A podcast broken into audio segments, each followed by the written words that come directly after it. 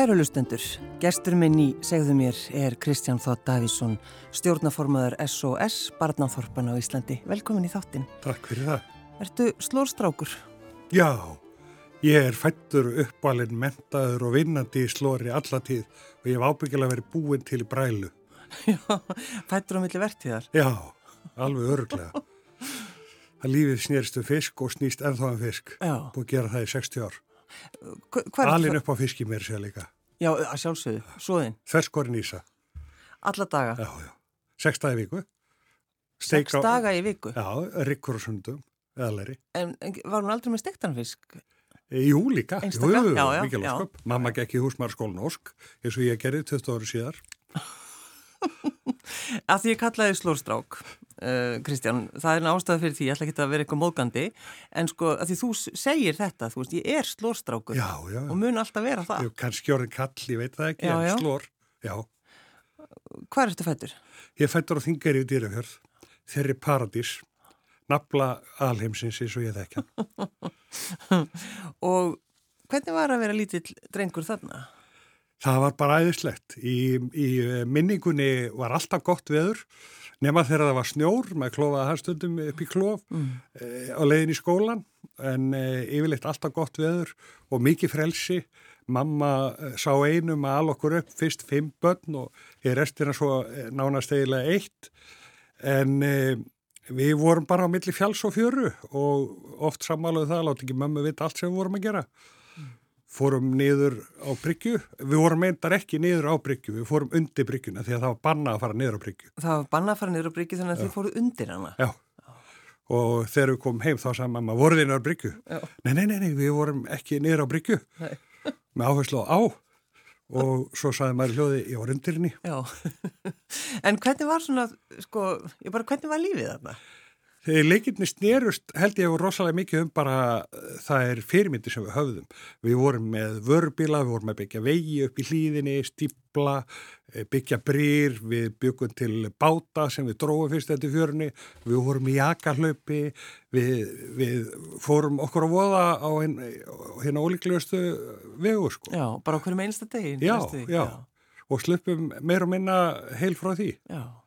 En hvernig var svona, þú veist, voru, það þekktu sem náttúrulega allir.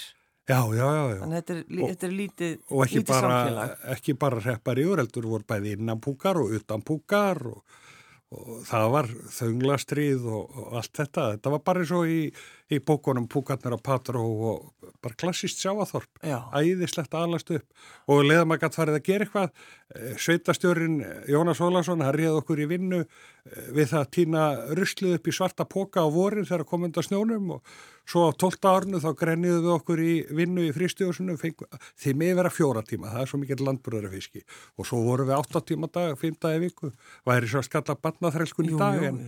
En við keftum okkur hljómplötur á hverjum 50 degi sko, nýri kaufilegi Já, þannig að þið fengu borgað vikulega það. Já, já, borgátt ykkurlega, í umslæg, klink og sælar og, og kannski lóttar að segja frá því sko en, en e, við bræðurnir erum fjórir fyrst sko, svo kom e, stelpan og hún fekk nú oft klinki gegn því að taka til í herbygjónum okkar. Fyrsta Kristján. vinnan hennar. Já, fyrsta vinnan hennar. Þrýfa eftir strákaskrattana.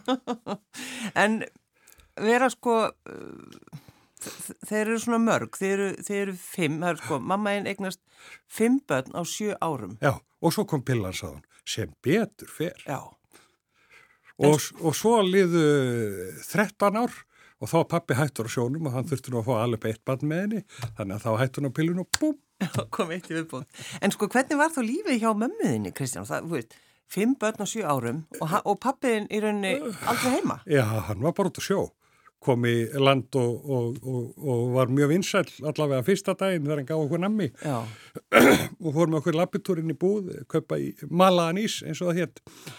En uh, það var ábyggilega hörkupúl, hún sá um allt frá aðtilu og ég segja að stundum hún að veri framkvæmdastjóri í þessari fjölskyldu. Já. Því að hún náttúrulega saumaði allt á okkur, satt fram á nætur og stundu þegar maður var nú að stelast til að lesa með vasaljósundi senginni þegar hún var búin að rekka manni í rúmið þá satt hún frammi og fjössi sinn kaffibólla og las blöðin mm. en hún var aðfram átni til kvölds Já. og við skuldum henni eililega fyrir það líf sem hún skapaði því að það var aldrei neitt vesen, það var, jú, jú, það var ægi og, og, en hún satt við mataborðið og kendi einum að lesa og annar lærði að lesa á kvolvi einum með borðið eins og gerist og gengur. Jú, jú, það gerist og gekk. En hvernig, Kristján, þegar pappin kom heim, Já. þú veist, þegar hann hætti, á sjónum, hvernig Já. var það? Það var mjög flott, því að það var svona sparipappi Eh, hins vegar vildi að gætna hafa rauð og regla á hlutunum og, og þögn í hátteginu með að vera að hlusta á réttinar og stundu vorum við nú farin að spurja sko, ah, verður nú ekki að fara á sjóin aðeins lausari taumurinn þegar mamma var einn hún náttúrulega gati ekki kannski haft hera á fimm stykkjum Nei, en, en hún sko, náttúrulega, mammaðin hefur þá sett svona uh, uh, reglurnar, sko, já, og ramman. Já, já. En, en fór pappiðin eftir þe þeim, öllum þeim reglum? Já, við getum orðað þannig að þegar barnaböndin fór að fara viku og viku og viku og ég vil nokkra vikur í senn vestur á sömrin, þá var það nú hans sem saði alltaf já við öllu og, og amma sem sá um uppeldið og reglurna á matatímana. Já. En hvað ákvæmst að fara að gera, Kristján? Ég var alveg harða ákveðin í því frá unga aldrei, ég ætla að sko verða skipstjóri og tóðara. Pappi var eh, stýrmaður, velstjóri, skipstjóri, verkstjóri fristjóðsunu og eh, alla fyrirmyndina voru á sjónum. Og ég byrjaði á sjó og leiði hafði aldur til og, og var nú svo áhuga samur að það endaði með að ég var settur í land með krampa því að ég glemt að sofa og ég fekk plássið aftur gegn því að lofa því að sofa nóttunni eða þegar ég tæki verið afst. E, ég ætlaði í sjómannaskólan og minn sjótbyrtaringur náði allarleið til Ísafjörðar. Svo var um, bara mamma var mjög ákveðin í því að þegar þú verið 50 kemur í land með ónýtt bak þá var ég sko að hafa einhverja mentun á bakinu og hún sótti um í mentu og ég tók það bara líka, tók það með. Og út á það var ég með stúdesbrú, svo fór ég á sjóin og ætlaði að taka annar stíð í framhaldinu en þá var ég plataður í háskóla og ég sé aldrei eftir því. Mamma hefur styrði mínu lífi á mjög farsalanhátt og þessir vinir mínir sem að sóttuðu fyrir mig í háskóla í útlöndum og sögðu skrifuðu hér. Ég stendi í þakkaskuld við þá alveg eins og normin sem að gáðu mér eh, masterskaráðu fimm ára háskólanám eh, fyrir klink. Já. En sko, að þú segir þetta svona, að, að, að svona, þú svona, þú bara gerir það sem þér er sagt. Ég, ég gerði það sem mamma sagði mér. Já. Já. Þannig séð, en uh, auðvitað, ég er eiginlega þannig að ég þrýfst á áskorunum og ég hef fengið ótaltækjufæri og ég hef sjálfnast þurft nema rétt út hendina eftir þeim og lífið hefur fært mér alveg ótaltækjufæri og ég er endalist þakklátt fyrir það. Já, þú sagði einmitt við mig, sko, ég er, er forréttindapísi. Já, ég er, ég er, ég er forréttindapessi og ég er mjög meðvitaður um það. Ekki síst eh, eftir að hafa kynst í hvernig heimurinn lítur út, Já. hafandi ferðast til um 60 landa og sé hvernig aðrir hafa það. Þá veit ég það að sama hvað maður hefur það skýtt á Íslandi, maður er fætturinn í ríkasta prósent jarðabúa og fyrir það er sjálfsagt að vera þakkláttur. En segðu hans frá Norið, þú fórst þar í nám, Kristján. Já, e, það er nú út af fyrir sig líka forréttindi að fá ókeipis háskólanám og ekki síst í, í Noregi sem er nú eitt ríkasta land í heimi og þeir dældu peningum í mentun á þessum tíma og ég held að þeir gera það nú ennþá. Með meðvitaður um það að þú byggir á mentun og e, við vorum e, við vorum forréttinda hópur þessi nefnendur sem voru í sjávartursæðinni trámsó á sín tíma og ég þreytist aldrei að dásama það hvað ég er í raun og veru skuldbundin Norri og Normannu fyrir þessi elskuli hitt að gefa, gefa slórstrafnum að vestan e, háskólanám? Og ég var nú að vinna þar í nokkur ár þegar ég var búinn sem var nú líka æfintýri vegna þess að ég var að flytja út skreið og saltfisk frá Lófóten og Norðunóri, allt í rúsnesku landamerna og þá var ég nú kallaður föðlandsveikari á Íslandi af vinnum mínum en yðnaðan jósnari í Norri og má vera báðir að haft nokkuð til síns máls en það var óskaplega góðu skóli upp á framhaldið. Og ég er, ég er allatíð haft mikil samskipti og samband við Norri og ég held að hafi ekki liðið ár á milli ferða hjá mér síðan ég flutti heim 1990. Já. En hva, hvað fórstu þá að gera, Kristján?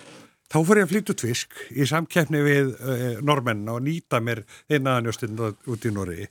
En fljótlega reyði ég mennu í uh, útflutning á, á uh, íslenskir í hátækni fyrir fiskveislu á Marel mm. og ferðast um allan heim. Var fyrst reyndar með Noreg sem var nú okkar stærsti markaður þá og síðan með Suður-Evrópu og Suður-Ameríku. Ég hafði nú tekið í mig að ég ætla að læra portugalsku þegar ég var að flytja saltvist í Brasilíu en svo var einhver góðhjörtu sál sem að ég stendi þakkaskuld við sem saði mér að þú skalt frekka læra spænsku því að það er hálfu miljardur sem talar hann út um allan heim mm -hmm. og brassarni skilja hana líka. Já, og ég veit það mjög vel. Ég nú er ég búin að vera ræðismæður Brasilíu og Íslandi á annan orðtug og ég nota spænskuna eh, í samskiptu við þá Brasilíumenn sem ekki tala íslensku eða einsku án okkur af vandkvæða. Þannig að þú fóst, þú fóst að læra spænsku? Já, ég er nú þeirra náttúru að ég lætt helst ekkert ár líða á að sé eitthvað að læra. Í kófinu í fyrra þá frískaði ég upp á 40 ára gammalt stúdarsprói þýsku mm. og í haust er ég búin að vera dundan mér við að vera að læra ítalsku og alltaf halda því áfram á næsta ári. Þannig að þú leggur áherslu að þú lærir alltaf eitthvað Já, Já það var alltaf mikil pressa frá báði, bæði papp og mömmu þeir eigið að læra og mentun tekur enginn frá ykkur Nei. og ég er búin að finna það svo á eigi skinni hvað græðir endalust á mentun og ég, eiginlega mín upplifun er svo að það er best að vera að ganga upp brekku þú þjálfast best á því það er alltaf skemmtilegt að eiga við áskoranir en það er rosalega lítill rútinukall mér þrýfst best í að henda mér út í djúbulögin og læra þar að synda Ertu búin að telja löndir sem þú hefur heimsótt, Kristján? Dóttir mín taltuði fyrir nokkrum árum og þá voru þau e, 60 og síðan hefur bætt við allavega Grænlandi og ég man nú svo sem ekki hvort það eru fleiri sem hefur bæst við. Mm. En e, það er líka e, eitt af því skemmtilegasta sem ég geri að kynnast framandi menningu, kynnast fólki annar staðar, læra af þeim og reyna að skilja hvernig þau hugsa og ég les mjög mikið mm. og oft er ég að fara til Íslands, ég maður þegar ég var að byrja að fara til Kína þá las ég kínveskar skáldsögur og e, við fórum til Japan fyrir tveimur ári til að halda upp á 120 ára ammælin okkar í og konan mm og uh, þá las ég japanska skaldsögur og ég kefti, ég kefti mér bækur alveg frá Nýfundalandi til Nýja Sjálas og allstaða þar að milli. En af hverju þetta ferðast svona mikið? Aðalega hefur það verið vinnan. Ég held ég getur nú sagt að það er nú ennitt merkið um hvað ég er mikill forritundapjösi. Ég vegi vilja tengja borga fyrir að ferðast til allra þessar landa. En það verður aðalega verið vinnan. Mm. Og, og þá út af sjávarútvegi? Sjávarútvegi. Og ég hef alltaf unnið eitthvað slórtengt. Mér sé að þannan áratug sem ég var í banka þá var ég bara fást við sjávarútvegi 90% tilfella. Já. Og það hefur svo aftur fært mér önnur tækifæri Ég var í fimm ári eftir hrunið í Peru, stjórnaformaður í risastór útgerða fyrirtæki. Við vettum einan loðnjuvertið á ári og brettum hana og seldum mjöl og lísöldum allan heim og þá fyrir ég fyrst að skipti ringin ykkur ykkur nöttin því ég var að hjálpaði með markasmálum líka. Ótrúlega fóriðtindi. En hvernig ertu þá núna, sko, þú náttúrulega eh, ekki mikið verið að ferðast. Hvernig á það, á það við þig, Kristján? Ég fylgist rosalega vel með á svona ferðavefjum Já. og ég er í hugan búin að bóka ferð til Noregs og Gríklands og Ítalíu og Portugal og Muscat í Óman eh, sem er einn af þeim mínum uppástöðum og mér langar rosalega að ferð til Íran. Þú getur ímyndaður hvort að verð, það verður þvílitt sótspori að það er setja á fullu. En eh, sko, mér langar líka svolítið að tala við þig um uh, barnaþorpin, SOS barnaþorpin. Já. Sko, byrjum bara á byrjuninni Hvernig ég kynntist því? Já. Já, það er eiginlega að saga að segja frá því því að það var þannig að ég á, eins og ég sagði, fimm sískinni og það er nú með því dyrmætast að sé býjað í þessu lífi, það eru sískinn mín og við hefum indislegt og gott samband öll saman og uh, bætum hvert annað upp og allavegu og það sagði mér nú einhver tíman máur minn, uh, maður yngri sýstur minnar að þann vissist fátt skemmtilegra heldur en að vera viðstatur þegar við hittust því að það væri eins og koma látrabjörg sko. og við gerum tilröðum með það uh, í eitt skiptið að, að það þurfti að halda á penna til þess að hafa orðið Já. svo það væri ekki allir að tala og engin að hlusta og það gekk mjög brusulega en alltaf þá var ég allavega allar til ákveðin í því að allavega eiga mörg börn Já. svo giftist ég konu sem á bara tvö sískinni og þegar hún var búin að eiga tvö börn þá sagði hún, já já, nú kom gott. Og ég sagði, nei, við erum ekki eins og hálnuð og ég segi stundu við dóttur mína sem er yngst að e, þú ert ekki búið til að venjulega hátt, ég masaði þig í mammuðina, en þegar hún var komin þá var komin nóg, þá sagði hún hingaðu ekki lengra, þú voru að finna aðra konu til að bera restina eða allar eignast leir börn, þá fann ég SOS barnaþorpin sem er nú bara eitt af því starra sem ég hef fundið í lífinu fyrir utan konuna að e, þar gæti eignast þrjú bönni viðbót fyrirhamna löst, þú þurft ekkert að hafa fyrir því að vera skammast eða jagast eða neitt, ég bara borgaði mánalega og fekk tvissar bref ár, e, tvissar bref á ári og, og, og myndir að þeim og fekk tækifæri til að heimsækja þau ekki sísta því að ég fengi mikið að ferðast og ég hef heimsótt barnáþorp í Síle, í Finnlandi, í Eistlandi, í Indlandi og, og það er alveg ótrúlegt hvað þetta er gott og gefandi að fá að taka þátt í þessu starfi. En að því að sko þetta heitir barnáþorp en ég minna að þetta er ekkit einhver þorp, þetta er náttúrulega bara, þetta eru alls konar. Þetta byrjaði, eh, sko SOS barnáþorpin eru stopnuð af manni sem að hér Termange Mænir og var austuríkismadur frá Innsbruck eða rétt hjá Innsbruck og ætlaði að læra læknisvæði þegar að stríði skall á og eftir stríði var allt fullt af munaleysingum og það skar hann í hertað að sjáðu eh, enda á einhverjum hælum og, og sem göduböld og hann stopnaði fyrsta barnaþorpið í Imst og síðan hefur þetta bara undið upp á sig. Og það var þannig mótilið að það var, þá ránar bara mæður sem að byggu á, í húsi á heimili. Og þá er byggð nokkur þorp í klasa. Og þær tóku að sér 6 eða 8 börn hverðara og svo bara séð fyrir þeim þangað til að þau komist út í lífið á eigin spýtur 18-20 ára. Og þetta mótel hefur verið kóperað í yfir 130 og 134 lönd síðast eða í gáði sem eru með þessi SOS sem eru með SOS samtök annarkvort að sapna peningum til að senda annað eins og við gerum hér á Íslandi mm. eða eru að reka barnaþorp eða þá starfsemi sem hefur bæst við síðan í áranar ás barnaþorpin eru reyndar ekki að endilega e, e, eins og þau voru þá e, loku þorp afgirt með sín eigin skóla og heilslugæslustöð sem reyndar ekki að þá beigð bæði miklu starri heldur þarfið þorpsins eru til þess að umhverfinu til góðs af. E, það er hins vegar í þróærlöndum eins og til dæmis í Finnlandi þar sem ég hef komið þá kaupa samtöki bara íbúði blokk og ráða hjón í langtímastarf við að ala upp 6 eða 8 bönn.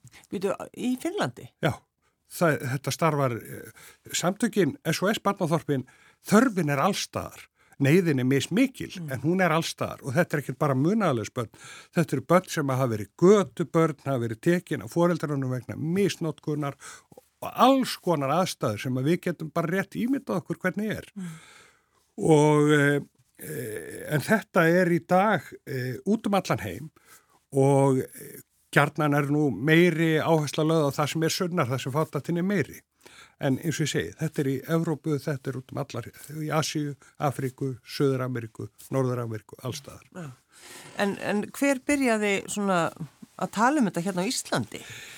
Ég eh, komst fyrst í nánara samband við Barnaþorpin, ég fór nú fyrst á skrifstofuna í Hamraborginni í Kópói og mér fjallast nú alveg hendur þegar ég ætti að fara að velja með börn og ég sagði við konuna sem var að vinnaðar, sem var svo einstakka kona Ulla Magnússon sem stopnaði þetta hér fyrir rúmuð 30 ári síðan, ég get ekki farið að velja börn, eh, ég fæ samviskupýtka hvort öllum hinu sem ég vil ekki.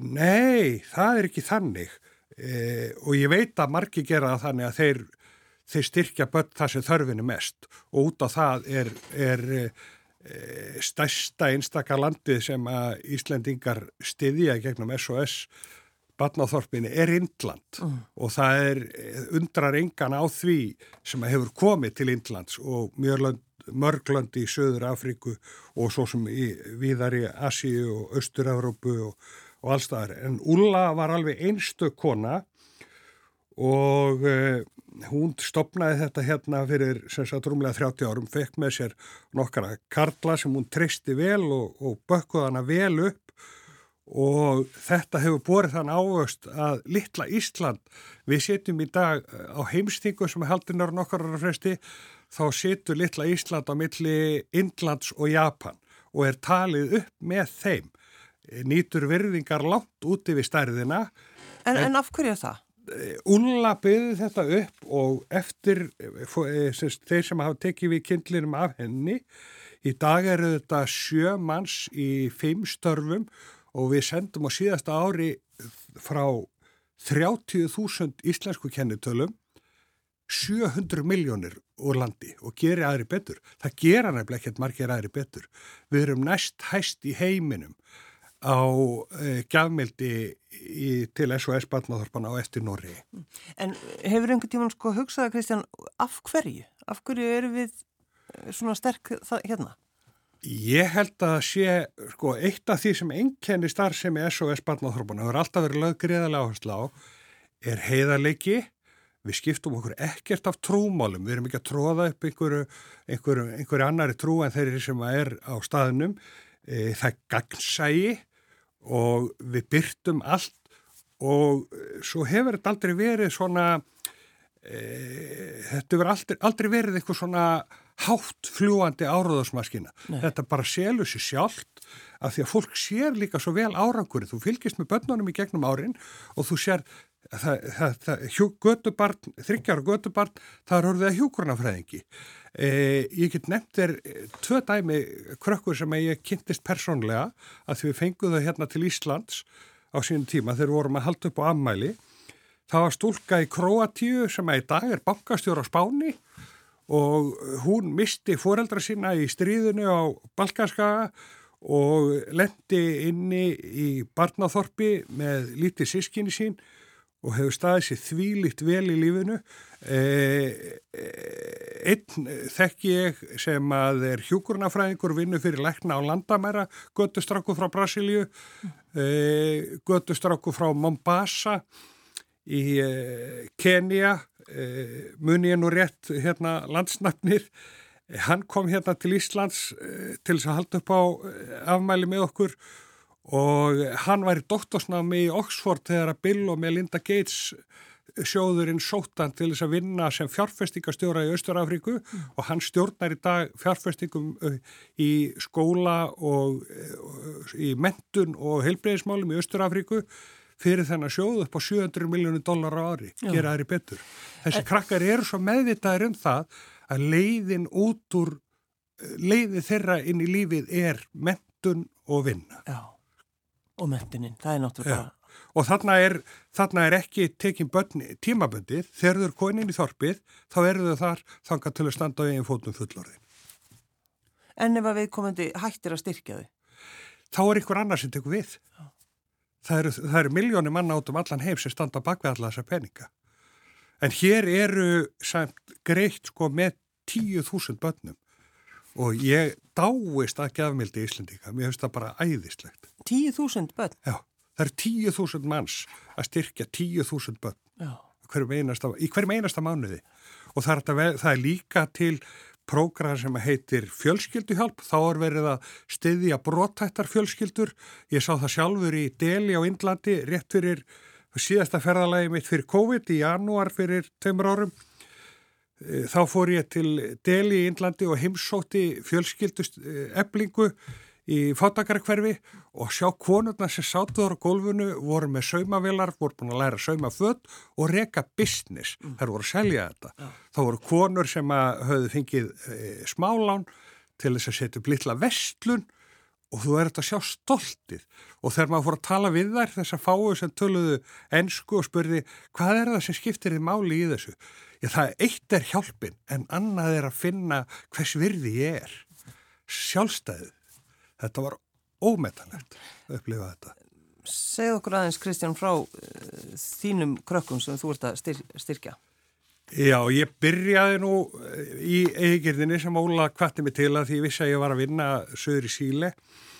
Þá var það strákur sem að uh, Pálo Bragamontes sem að bjóði í Barnaþorpu er fullari maður í dag, bjói í borgin Antofagasta sem er höfuborg í norður Síle, í miklu náma, já, Antof, í miklu námasvæði þar sem þurrasta eðimörk heims er, Atacama eðimörki sem leikur millir Síle og, og, og Peru ég byrjaði þar, ég fekk nú aldrei tækifærdilega heimsækja hann, þetta var svo langt frá öllu þar sem ég var að ferðast, en ég heimsótti Barnathorp í sunnar í síle og það var alveg ókleimalett, fekk vinnuveitandan til þess að gefa mér ferðartösku fulla skólaförum, kom við í bókabúð og kefti nokkur svona Pictionary og Matador og eitthvað hlera og, og fór svo með þetta allt saman í, í heimsókn í Barnaþorpið.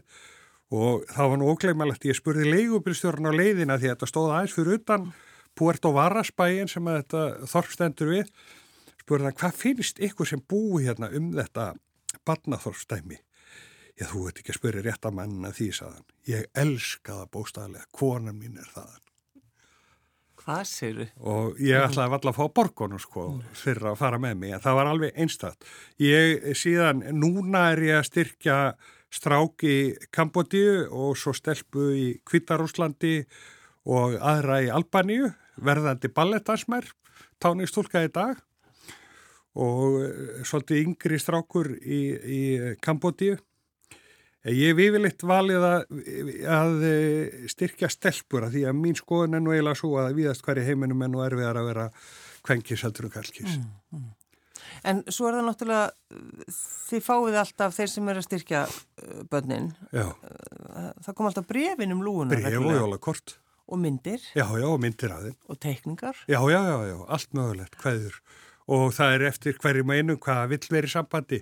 Uh, mjög margir held ég kjósun bara borga og, og eru þakklandi fyrir að fá fréttinnar og brefin en uh, það fullta fólki sem er búið að heimsækja þorpin og, og ég held að það sé svona það merkir þér lífstíð. Að finna hvað að gera þér gott að gera gott. Já. og það er eins og einhver góðum að það sagði sko það getur enginn hjálpað öllum en allir getur gert eitthvað. Mm.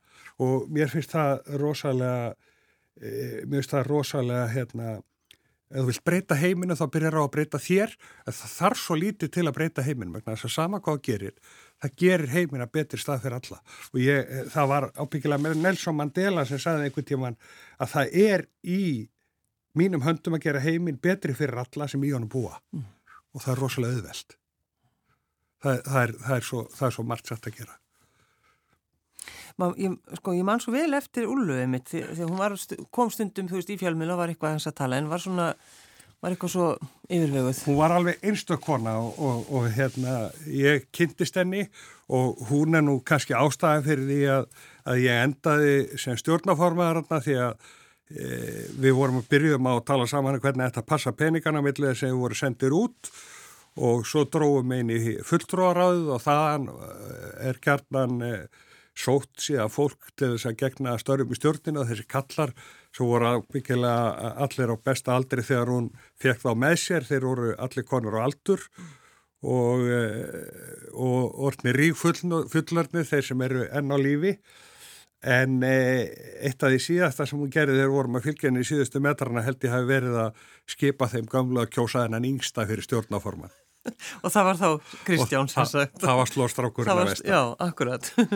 en hvað hva er það? Ógleimaleg kona og, og, og ótrúlega merkjalegt mér sé að ég var að heimsækja hana og líkna dildina þá var hún alltaf að hugsa um börn og það sem eina sem hún hefði ágjörðað í lífinu það var hvort að barnabörnin hennar hún átti tvö barnabörn, sonur hennar býr í Þýskalandi og hann átti tvö barnabörn sem hún sá nokkur sunnum ári heldur það muni eftir að musinni og ég fullvisa hann um það að það er ekki bara hún heldur margir aðri sem myndum minn eftir henni það var alveg einstök kona En hvað þýðir að vera stjórnaformaður? Hvað er það sem þú ætti að gera? Það er eiginlega bara horfið við aukslin á þeim sem eru þarna og vinna með hinum í stjórninu að framgangi mála mm. það er óskaplega þakklátt og gefandi starf, algjör forréttindi mm. og við erum svona leggja línutnar og, og, og fylgjast með og og taka ákvarðanir hvað ætlum við að gera næst og hvernig getum við gert betur og, og passa, passa upp á það að allt sé eins og það á að vera og peningandi farið þangar sem það er eiga að fara. Já, það er nú ofta mitt talað um þetta, svona spillinguna sem er í kringum svona, í kringum svona hluti. Já, já, og, og full ástæða til. Já. En það leggjum við mikla áherslu á það að, að það sé gagsægi, við byrtum alla okkar ásrækninga og Og, og ég held að þetta gengi ekki svona vel að, og við nýtum ekki þess trösts SOS Barnáþorpin sem við njótuð þrátt fyrir allt ef að við værim ekki hreinskilin og opinská með nákvæmlega það. Og, ekki, og líka það sem betum að fara. Við höfum alveg eh, og það er nú eitt af því sem ég held að gera að Ísland nýtur verðingar alþjóðlega við höfum alveg heiklust látið vita ef við erum ekki sátt. Mm. og við erum ekkert sátt ef að, ef að ekki hlutinir er ekki lægi, það er bara þannig Þannig að, sko, þið þurfum náttúrulega að fylgjast með öllu og, og bara þetta að, að, að það eru tíu þúsund börn sem að Íslandingar eru að styrkja. Já. Þannig að þið, þið getið svolítið svona, já. Við fáum náttúrulega skýslur auðvitað og það, við tökum þátt í þróunarverkefnum í samstarfi við þróunarsamvinnustofnun utarrikisraðanetisins og við ráð, þegar við erum í, í þannig verkefnum, þá ráðum við úttæktar aðil á staðnum og þetta er allt, þetta er allt tekið út og svo, og svo erum við náttúrulega líka með lögskipað endurskoðendur. Mm. Þannig að, og þetta er rosalega stort og þétt net út um allan heim og aðalstöðar í Östuríki miðlægt sem að fylgjast með líka ja. og, og þar er fólk sem er að huga að e, einmitt stjórnuna þættinum að þetta fari rétt og vel fram. Já, þannig að sko þeir sem vilja styrkja, hvaða leið fara þeir? Einfaldast er far bara á sos.is skemmtilegra að fara í Hamraborgina og plaga þau sem þar eru. Já, þannig að það er skrifstofa og, og... Það er skrifstofa í Hamraborginni Hamraborginni. Og indislegt fólk sem er þar að vinna sem er mikla verðingu fyrir. Ótrúlega Hafði, hafði Úla áhugir að því sko að þetta myndi fjara út þegar hún var í farin? Nei, nei, nei, nei. Þetta var orðið það, þetta var orðið það stort og magnað og merkilegt að því ég held að við aldrei hvart laðinni annað en að Íslandingar held áfram að vera með hjarta á réttust það. Eins og hefur svo sannlega sínt sig. Það vallaðu sjáir í línurutinni yfir fjölgun e, þeir, hérna, þeirra sem styrkja þetta yfir árið. Það vallaðu sjáir hrunið er pínulíti brot í línuna. Það er ekki neitt niðra við, það er smá hilla þar já, já. í eitt ár. Já, bara svona, svona e, vallamerkjanlegt eða hvað. Já, við þurfum orðið að skýra það út. Mm. Hvað gerist þarna? Já, einmitt. Geymur öll brefin sem þú hefur fengið gegnum tíðina frá... Ég verð nú að viðkenna að ég hef ekki gert það en ég áfyllt að þeim. Já. Ég áfyllt að þeim. Og það, mér línar alltaf að herta þeir í séta. Hva, hva, hvað eru þið að segja þeir, Kristján, þegar að þú far brefin? Bara frá sínu daglega lífi. Það sem er kannski meira um hvað þau eru að gera og framfæriðnar og árangur í skóla og svo leiðis, það kemur frá þeir sem skrifar uh, skýsluna sem fylgir með. Hvað, yfirleitt hitt er bara jólakveðjur og þakklæti og, og blessunarorð. Já. Og hennum ímsustu, með hennum ímsustu stafagerðum. Stundum fylgir þýðing með. Já, einmitt. Já þannig að þú færð að vita akkurat sko hva, hvar viðkomandi er stattur og já, hvernig já, gengur. Já, og... Þú getur hefur sótt það í þorkið. bara lættu vita að þið langi að koma í heimsókn og yfirleitt getur að koma í heimsókn. Já. Þú reyndar svolítið breytti tímar með allir þessum personu vendar e, sjónaveðum sem eru orðið miklu meira ríkjandi. E, við fórum eitt skipti sem fór til Austuríkis þá fórum við í heimsókn í barnáþorpin við fengum ekki að hitta nýr börn þau átti ekki að vera eins og dýri dýragarði sko til sínis Það nú, svolítið, og það er alveg hægt að virða það, já. en mjög víða er gestrisni bara svo í háveðum höfð að eh, ég segir bara sár ef að þú kæmir þarna og skildi bara eitthvað eftir og færir. Sko. Já, einmitt. Og ég hef einmitt upplifað eins og í þessum barnáþorpum, það er, það er eiginlega kannski bara regla eftir því sem að fólk hefur minnamilli handana þess meira brósir það. það. Það er svo einlega gleðin og hamingjan þegar þú sér þannig að það er, það snertið hverju manni. Já, Hvað er landsið nú hefur heimsótt uh, Barnathorp, SOS Barnathorp? E, ætlaði ekki verið 2000 og, jú, 2020 í januar Já. í Einlandi, þá heimsótt ég tvö Barnathorp og ég fekk byrjað á að fá hérna kransum hálsin og rauðan punkt á milli augnana og að hætti heimamanna og, og það var ég á malverk sem að hungir upp á vekkja mér eftir strák sem var í Barnathorpunu og hann var á leiðin að verða myndlistar maður, hann var alveg ákveðin í því hvað hann ætlaði að verða. Já. Þannig að það er svona mikilvægt er það ekki fyrir því að, að heimsækja barnaþorpin? Ég veit ekki hvort það er endilega skilir en mér hefur þótt það mikilsvirði Já. að fá tækverði til að heimsækja og senda hverður. Og senda hverður. Ég leiði þér að velja... Og, það, og bara, bara í blárestina sko, fólk leggur kjarnar inn á framtíðarreikning eins og var hér í, í böngonu hér sko, mm. leggur hann framtíðarreikning og það er svo gaman að vita sko að þú sendir sko þúsund kall til Malawi þá er það 60.000 kall mm. þegar það kemur á staðin og þetta er svo, e, ef maður er á þeim böngsunum þá er ekki til arbarir í fjárfestingin í framtíð bats Ég leiði þér að velja lokalæðið, svolítið hressandi svona morgunsvarið, það er Queen Já. Er þetta uppáldið þitt? Mánudags morgun, hvín er aðeinslega hljóðsveit, þurfum við ekki bara á því að halda inn í vikuna We are the champions. Ég held það. Kristján Þótt Davísson, stjórnaformaður SOS Barnaþorpana á Íslandi. Takk fyrir að koma. Takk fyrir að ég kom. I've paid my dues time after time. I've done my sentence, committed no crime. And bad mistakes, I've made a few. I've had my share